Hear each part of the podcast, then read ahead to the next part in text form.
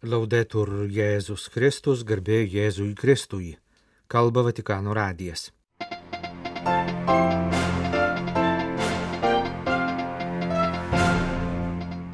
Pilgriminės šventovės - tai visų pirma maldos, pasitikėjimo ir vilties vietos, sakė popiežius šeštadienį prieimęs Vatikane vykusio šventovių rektorių susitikimo dalyvius. Popiežiaus audiencijos Europos tėvų asociacijai ir Junktiniuose Arabų Emiratuose gyvenančių Sikhų delegacijai. Europai reikia naujos teisingumo ir taikos vizijos, sakoma penktadienį Briuselėje paskelbtame ES vyskupų komisijos pareiškime. Šios laidos pabaigoje 32 eilinio sekmadienio Evangelijos komentaras. Lapkričio 9-11 dienomis Vatikane vyko tarptautinis šventovių rektorių susitikimas, kurį, besirengiant 2025 m. jubiliejui, suorganizavo evangelizacijos dikasterija. Šeštadienio rytą šventovių rektorius pasveikino popiežius Pranciškus. Į šventovę žmonės pirmiausia atvyksta melstis, sakė Pranciškus. Būtina nuolat atsiminti, kad šventovė tai pirmiausia maldos vieta.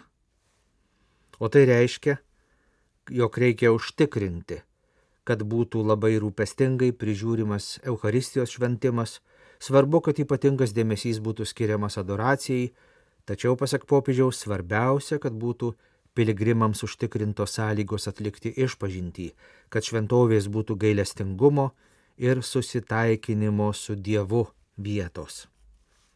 Kitas svarbus dalykas, kuris veda žmonės į šventovės, yra troškimas būti paguostiems. Quante persone vi si recano perché portano nello spirito e nel corpo un peso, una pena, una preoccupazione.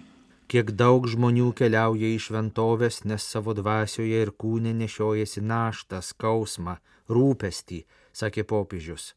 Artimo žmogaus lyga, šeimos narių netektis, daugybė gyvenimo situacijų dažnai yra vienatvės ir liūdėsio priežastys. Piligrimai jas sudeda ant altoriaus ir laukia atsako. Paguoda nėra abstrakti idėja. Ja sudaro pirmiausia ne žodžiai, bet užjaučiantis ir švelnus artumas, suprantantis skausmą ir kančią. Galiausiai šventovės žmonės keliauja ir tam, kad su didesniu pasitikėjimu žvelgtų į ateitį. Piligrimui reikia vilties Jis jos ieško pačiame piligrimystės akte, leidžiasi į kelionę ieškodamas tikro tikslo. Savo malda jis prašo vilties, nes žino, kad tik paprastas ir nuolankus tikėjimas gali suteikti jam reikalingą malonę. Tad svarbu, kad grįžęs namo jis jaustųsi kupinas ramybės, kurią suteikia pasitikėjimas Dievu. Iš visų šventovių tegul skamba padėkos gesmė viešpačiui už stebuklus, kuriuos jis daro ir mūsų laikais. Prašykime Dievo motinas užtarimo, kad šiais neramiais laikais daugybė kenčiančių mūsų brolių ir seserų rastų ramybę ir viltį, sakė Pranciškus. Šeštadienį lapkričio 11-ąją popiežius prieėmė Europos tėvų asociacijos atstovus susirinkusius į savo generalinę asamblėją. Diventare genitori è una delle gioie più grandi della vita. Tapti tėvais yra vienas didžiausių gyvenimo džiaugsmų, sakė Pranciškus. Tačiau dabartinis Europos kultūros kontekstas su jam būdingais etiniu subjektyvizmu ir praktiniu materializmu nėra palankus tėvų misijai. Tai, su kuo vaikai kasdien susiduria, ką perima iš žiniasklaidos, dažnai prieštarauja tam, kas dar prieš kelis dešimtmečius buvo laikoma kaip savaime suprantama ir vertinga gyvenimo norma. Šiandien tėvams tenka pareiga padėti vaikams išmokti daryti teisingus sprendimus, grindžiamus autentiškomis vertybėmis. Tai nėra lengva, nes šios vertybės įmanoma perduoti tik kasdien liudijamų gyvenimo pavyzdžių. Tuomet yra sėkmingi, kai vaikai išmoksta patį savo gyvenimą suvokti kaip labai svarbę ir brangę vertybę kai sugeba, tikėdami esminių žmogaus egzistencijos pozityvumu, su pasitikėjimu ir drąsa pasitikti gyvenimo iššūkius, būdami įsitikinę, kad jie turi atlikti misiją, kuri suteikia žmogui išsipildymą ir laimę.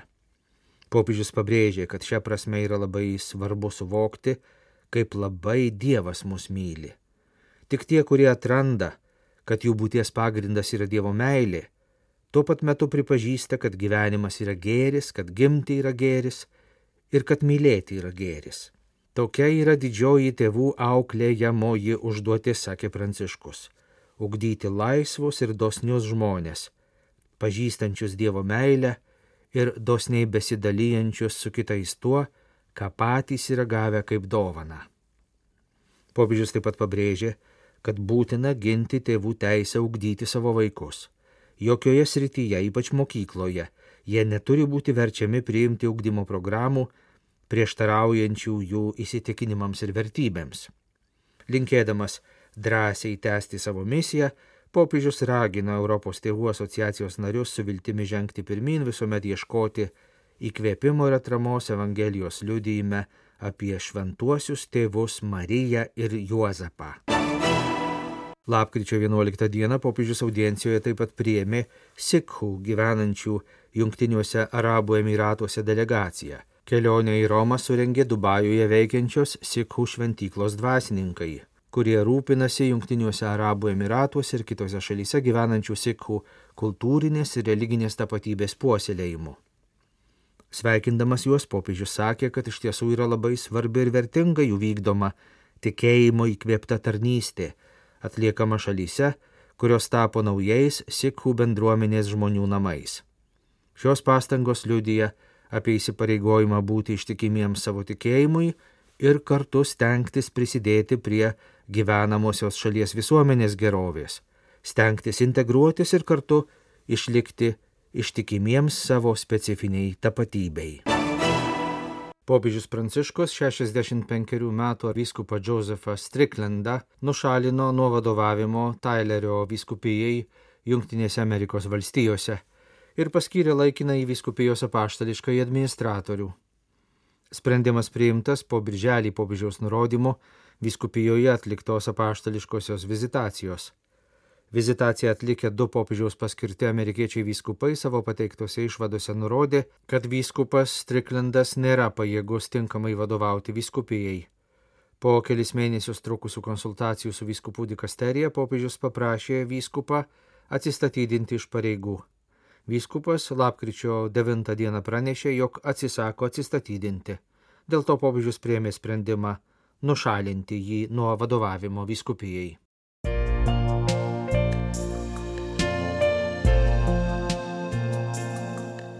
Jūs klausotės Vatikano radio. Tęsėme žinių laidą lietuvių kalba.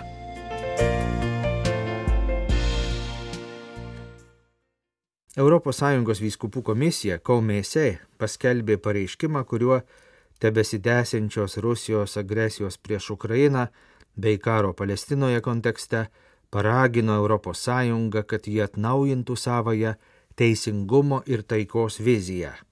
Penktadienį lapkričio 10 dieną ES vyskupai susirinkę Briuselyje į 2023 m. rudens plenarinę asamblėją priėmė pareiškimą, kuriame reiškiamas didelis susirūpinimas dėl pastaruoju metu mažėjančio tarptautinio saugumo ir nykstančios taikos.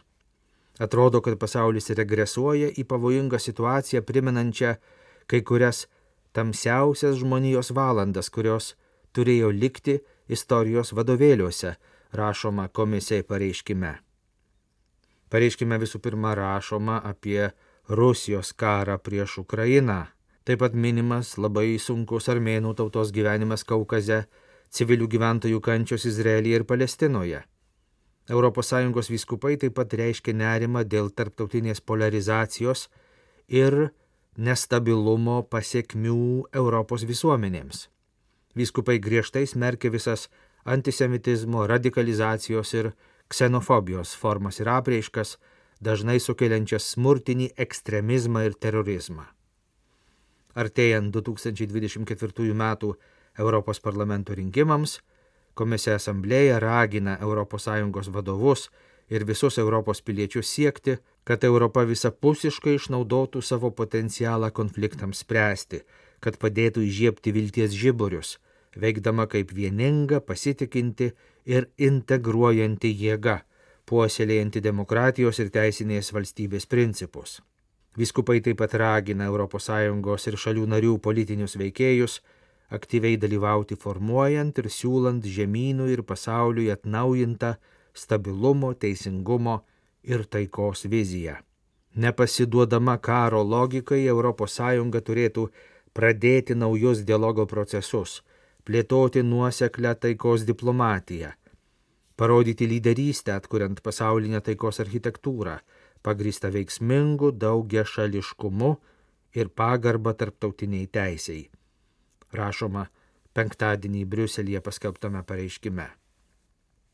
Pareiškimas buvo parengtas po komisė narių susitikimų su aukšto lygio ES atstovais ir Jeruzalės lotynų patriarchų kardinolu Pirbatista Pizzaballa bei Ukrainos graikų katalikų bažnyčios vadovu Svietoslavu Ševčiuku, kurie pateikė svarbių įžvalgų dėl dabartinės smurto bangos šventojoje žemėje ir dėl Rusijos agresijos karo prieš Ukrainą. Kardinolas Pizzaballa ragino nesivadovauti pernelyg supaprastintais padėties šventojoje žemėje naratyvais pabrėžė lemiamą regiono krikščionių bendruomenės kaip taikdarių vaidmenį dabartinėje labai sunkioje situacijoje. Dalydamasis ukrainiečių tautos skausmu, arkivyskupas Ševčiukas priminė, kad Ukraina yra jauna valstybė, bet labai sena Europos tauta, turinti tvirtą europietišką tapatybę. Glory.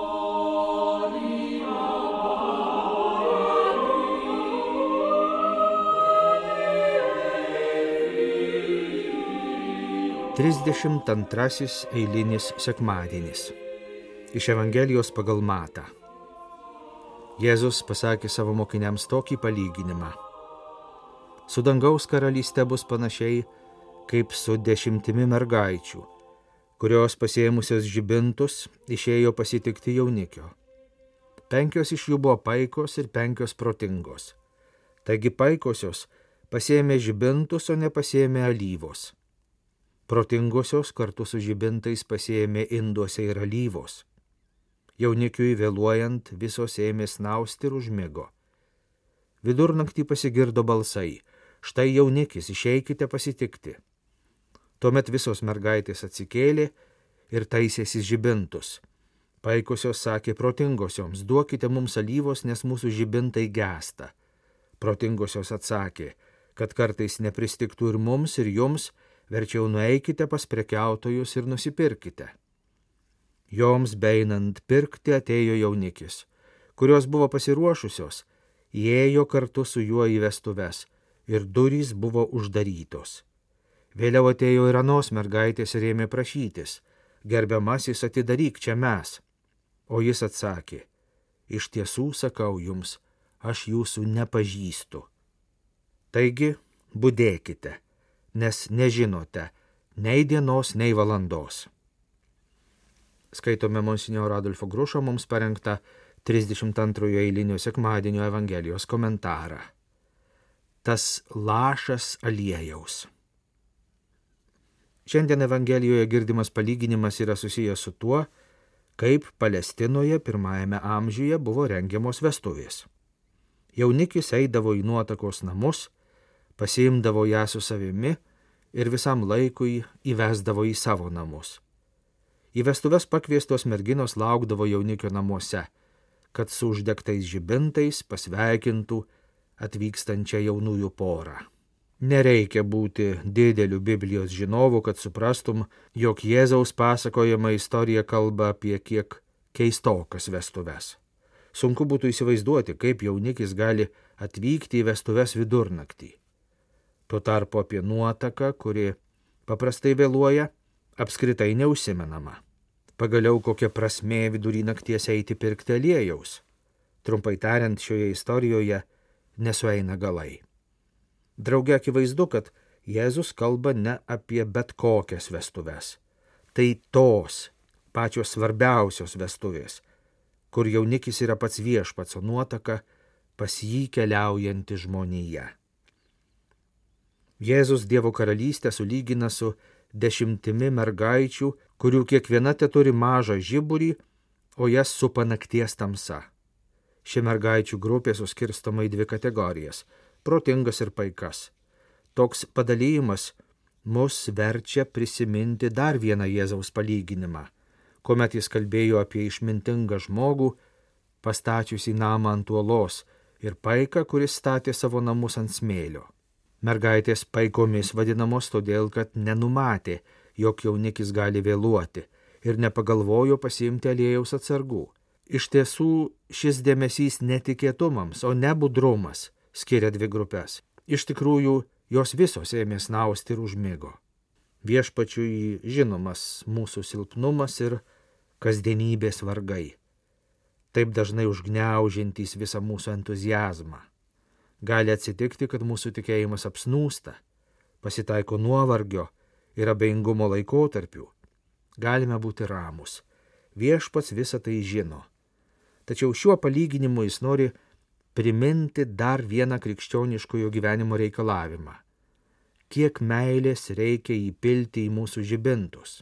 Kiek meilės gali priversti liepsnoti mūsų širdis net tada, kai esame mirtinai nuvargę kad dvasinis miegas netaptų chronišku.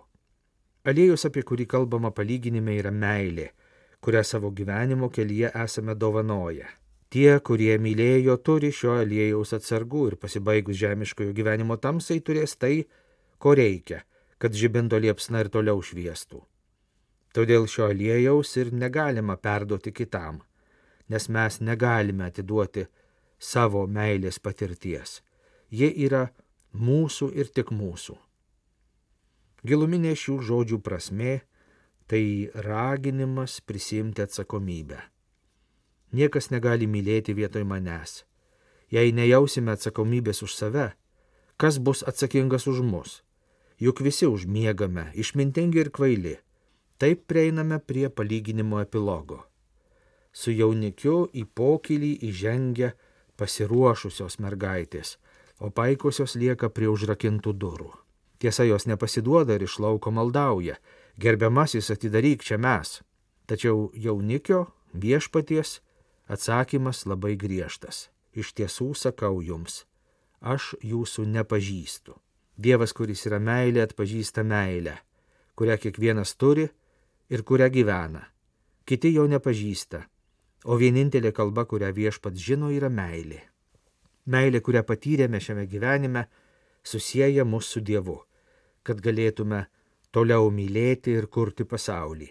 Kai jau būsime amžinybėje ir tada toliau mylėsime. Danguje toliau statysime, darbuosimės meilėje kartu su Dievu. Dėl to ir melžiame, prašydami šventųjų arba prieš mus išėjusių mylimųjų pagalbos. Tie, kurie yra ten, meilę kuria gyvenimą tiems, kurie yra čia, kad tik nepristiktų aliejaus.